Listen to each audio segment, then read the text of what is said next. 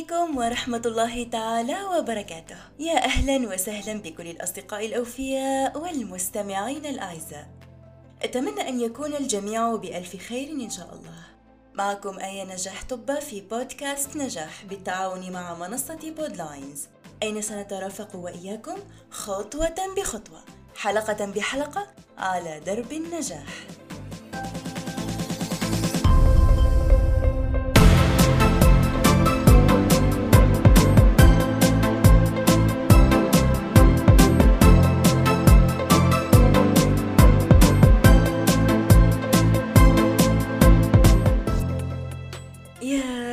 أريد أن أصبح مليارديرا.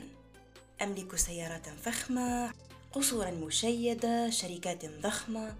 أسهم رؤوس أموال لا تحصى ولا تعد. حقا سأعيش عيشة فارهة. هذا كل ما أريده ويا ليته يتحقق في بداية شبابي كعشريني طموح. فقط تبقى لي كيف سأحقق ذلك؟ وأن أبدأ أول خطوة في هذا الحلم. ما سمعناه قبل قليل حوار داخلي يدور بعقل أغلب الشباب اليوم خاصة بعد الكم الهائل من الفيديوهات القصيرة التي لاقت رواجا كبيرا على منصات التواصل الاجتماعي تدعو وتحفز على العمل بسن مبكرة للوصول للقب رواد أو رجال أعمال وتحقيق الثروة المرجوة. لنترافق اليوم معا لنتعرف عن أسرار الطموح وإلى أين يمكنه أن يأخذنا.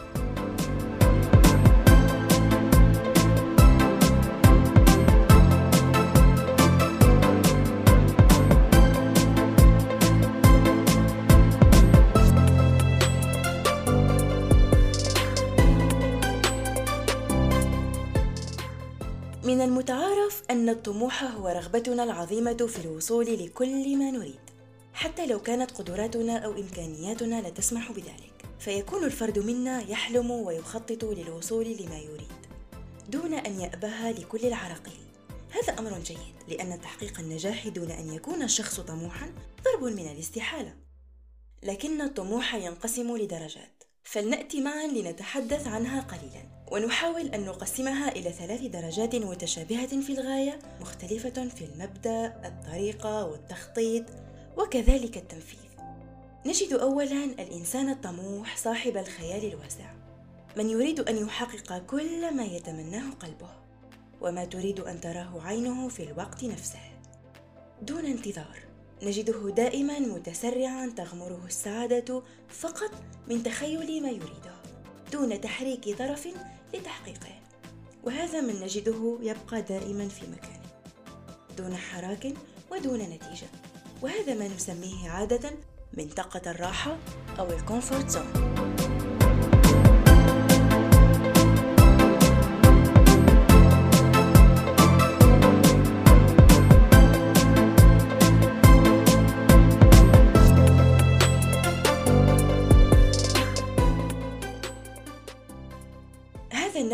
الأشخاص نجد أنه يستهلك طاقته وطموحه في الخيال. أكثر منه في تحقيق هذا الطموح. وهذا ما يجعله ضارا لا نافعا. سيظل في مكانه لا تغير ولا تقدم ولا تطور في أي أمر كان. وقد يصل الأمر أحيانا أن يكون ضارا به إن كان طموحا في دراسة أو عمل يختص به ليعيش حياة كريمة على الأقل. نأتي الآن لنوع ثاني من الطموح وهو عكس سابقه تماما.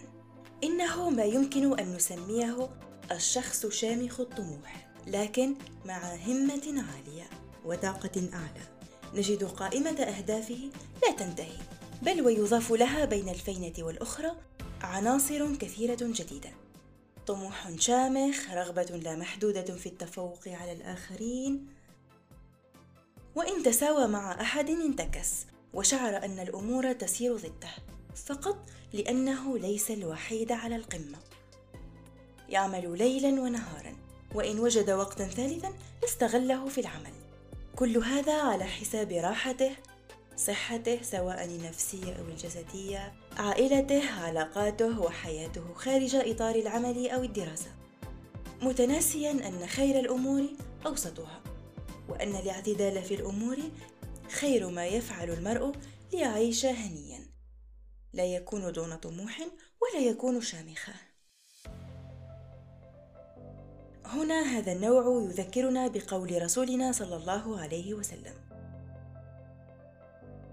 لو كان لابن آدم واديان من ذهب لابتغى لهما ثالثا ولا يملأ جوف ابن آدم إلا التراب. ويتوب الله على من تاب.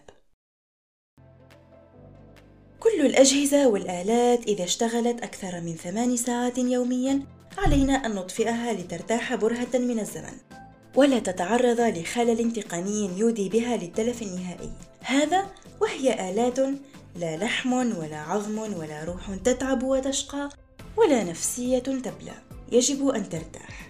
فما بالك بالإنسان الذي يتعب ويشقى وتتأثر نفسيته وتضعف روحه؟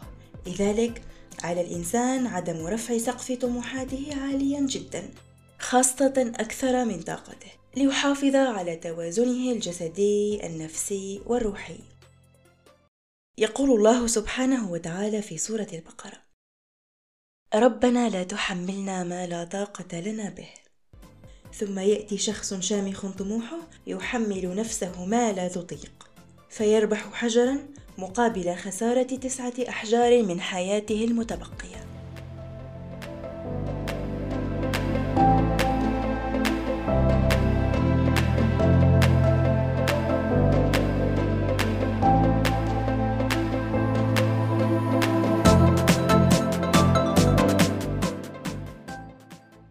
سبب من أسباب علو سقف الطموحات.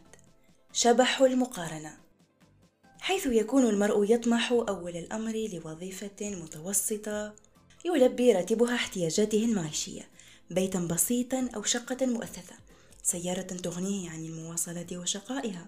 وفي طريقه لتحصيل هذه القائمة البسيطة يشعر أن السعادة تغمره والأرض لا تسعه. وما إن يحققها؟ نجد قائمة جديدة في الانتظار. رغم أن حياته مستقرة فيبدأ شبح المقارنة بالتوغل في عقله. صديقي يدير مشروعه الخاص ويدر عليه أضعاف راتبي شهريا. سيارة جاري أفضل من خردتي. نعم تصل به المقارنة لوصف سيارته بالخردة وهو من كان يعمل ليلا نهارا من أجل الحصول عليها. قريبي يسكن في فيلا في أفخم الأحياء وأنا لا أملك إلا شقة في مجمع سكني بسيط. وهو من كان يحلم دائما بمفتاح شقة يمتلكها على اسمه فقط لتأويه وأولاده تحت سقف واحد آمن. الآن يجب علي مضاعفة ساعات عملي لزيادة مداخيلي، فهكذا سأصل لما أصبو إليه وأحقق طموحاتي، وتبدأ رحلة زيادة الطموحات مرة تلو الأخرى، وفي كل مرة تزيد المقارنات مع من يسبقونه في الجاه، السلطة، المال، وربما أحيانا المكانة العلمية أيضاً. ويصبح الأمر شبه هوس بالنسبة إليه. وتصبح فكرة التفرد بالتميز أمرا حتميا حصريا عليه فقط. وإن كان يشترك فيها مع غيره فهذا لن يسميه نجاحا ولا تميزا بل سيزيد توتره. ويضاعف جهوده إلى الحد الذي يفقد فيه السيطرة على استقرار جوانب حياته. ثم يفقد راحته التامة ويصل به أحيانا إلى الجنون. وهنا يكون قد تحول الطموح إلى طمع بحت. وهذا حتما ما لا يريد أي شخص سوي أن يصل إليه بتاتا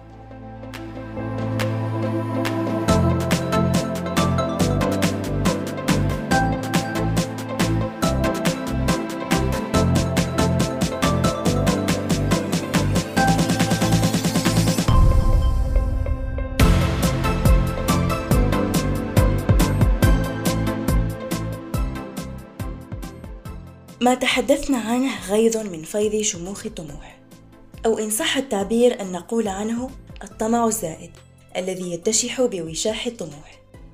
يقال إذا عرف السبب بطل العجب. هنا إذا أدركنا على الأقل بعض الأسباب للطموح المبالغ فيه والذي يكون عادة ذا فائدة قصيرة المدى. ثم ينعكس تأثيره نستطيع بعدها أن نديره أو نتحكم في بعضه. القناعة كنز لا يفنى. فإذا قنعت بما رزقك الله إياه وجعلت همك رضا الله سبحانه وتعالى وتحقيق رضا نفسك وسعادتها وإسعاد من حولك لن تترك مجالا لنفسك في الرغبة في طموح مبالغ فيه. ليحملك ما لا تستطيع. وإن رضي الإنسان كفه رضاه عن النظر لما في يد الآخرين وعن المقارنة بين ما يملك وما يملكون وما يجني وما يجنون وما يحقق وما يحققون. وهكذا دون إدراك منه سيطرد شبح المقارنة من حياته. وهنا يصل للمعقول في طموحاته ومجهوداته.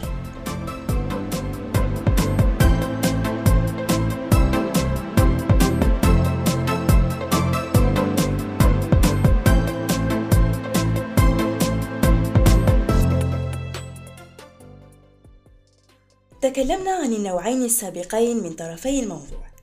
الآن لنحايد ونتكلم عن أوسط الأمور وخيرها. الاعتدال في الطموح وهو ما يحقق لنا كل ما هو إيجابي. الله عز وجل يحب معالي الأمور. لذلك أمرنا ونبيه الكريم صلى الله عليه وسلم برفع الهمة وطلب معالي الأمور لكن شريطة تحقيق التوازن بين الهمة والحياة والمسؤوليات. لنحاول معا الآن أن نتكلم عن كل نقطة على حدة. الطموح أن تحدد هدفا أو قائمة أهداف تريد بشدة تحقيقها. ثم ترسم لذلك خطة وتعد العدة لمواجهة أي طارئ قد يحول بينك وبين غاياتك. لكن هذا ما يجعلك مختلفا عن الطموح الكسول لكن هذا يكون باعتدال واتزان خطوة بخطوة مع محطات توقف لأخذ قسط من الراحة كاستراحة محارب مقدام في معركة طاحنة ثم استئناف الحرب من جديد. كل هذا دون الإخلال بواجباته الأخرى تجاه ذويه أو التفريط في مسؤولياته أو إلحاق الأذى والضرر النفسي والجسدي. الشخص الطموح هو الشخص الذي يجعل طموحه كالوقود يدفع به نفسه دائما للأمام. لتحقيق مراده ويجعل لنفسه منهجا سليما يوازن فيه بينه وبين حياته. فنجده مرة يعمل باجتهاد ثم مرة يرتاح ليعيد شحن نفسه للبدء من جديد يعطي لذويه كل ذي حق حقه. فنجده يجالس والديه يناقش إخوته يعين أهل بيته ويتنزه مع أبنائه حتى لا يجد أي منهم أي نقص منه. وهنا يمكننا القول أنه نجح في العمل على طموحه دون الإخلال بعلاقاته. الطموح الحق هو من يعمل ليحقق لكن بوتيرة لا تنهكه. فإن أنهك مل. وإن مل ضعفت الهمة. وإن حصل ذلك كان نجاحه قصير المدى لا طويلا. هذا ما ينجر عنه متاعب نفسية أخرى لتجر معها الأمراض الجسدية ويخسر ماله وما عليه.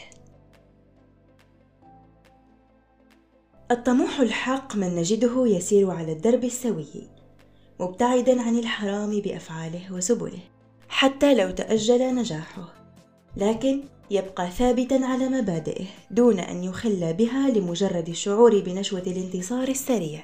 نجده لا يلتقي والمقارنة مع الآخرين إلا في مقارنة الجهد والتعب لا مقارنة الإنجازات والمدة. فلكل منا وقته قدراته همته وهذا لكل مكتوب في قدره. لذلك يقارن جهده المبذول مع جهد الآخرين ليحقق نتيجة مقاربة أو تفوت خاصتهم. وبذلك يحقق غاياته ويكون سائرا على درب طموحه.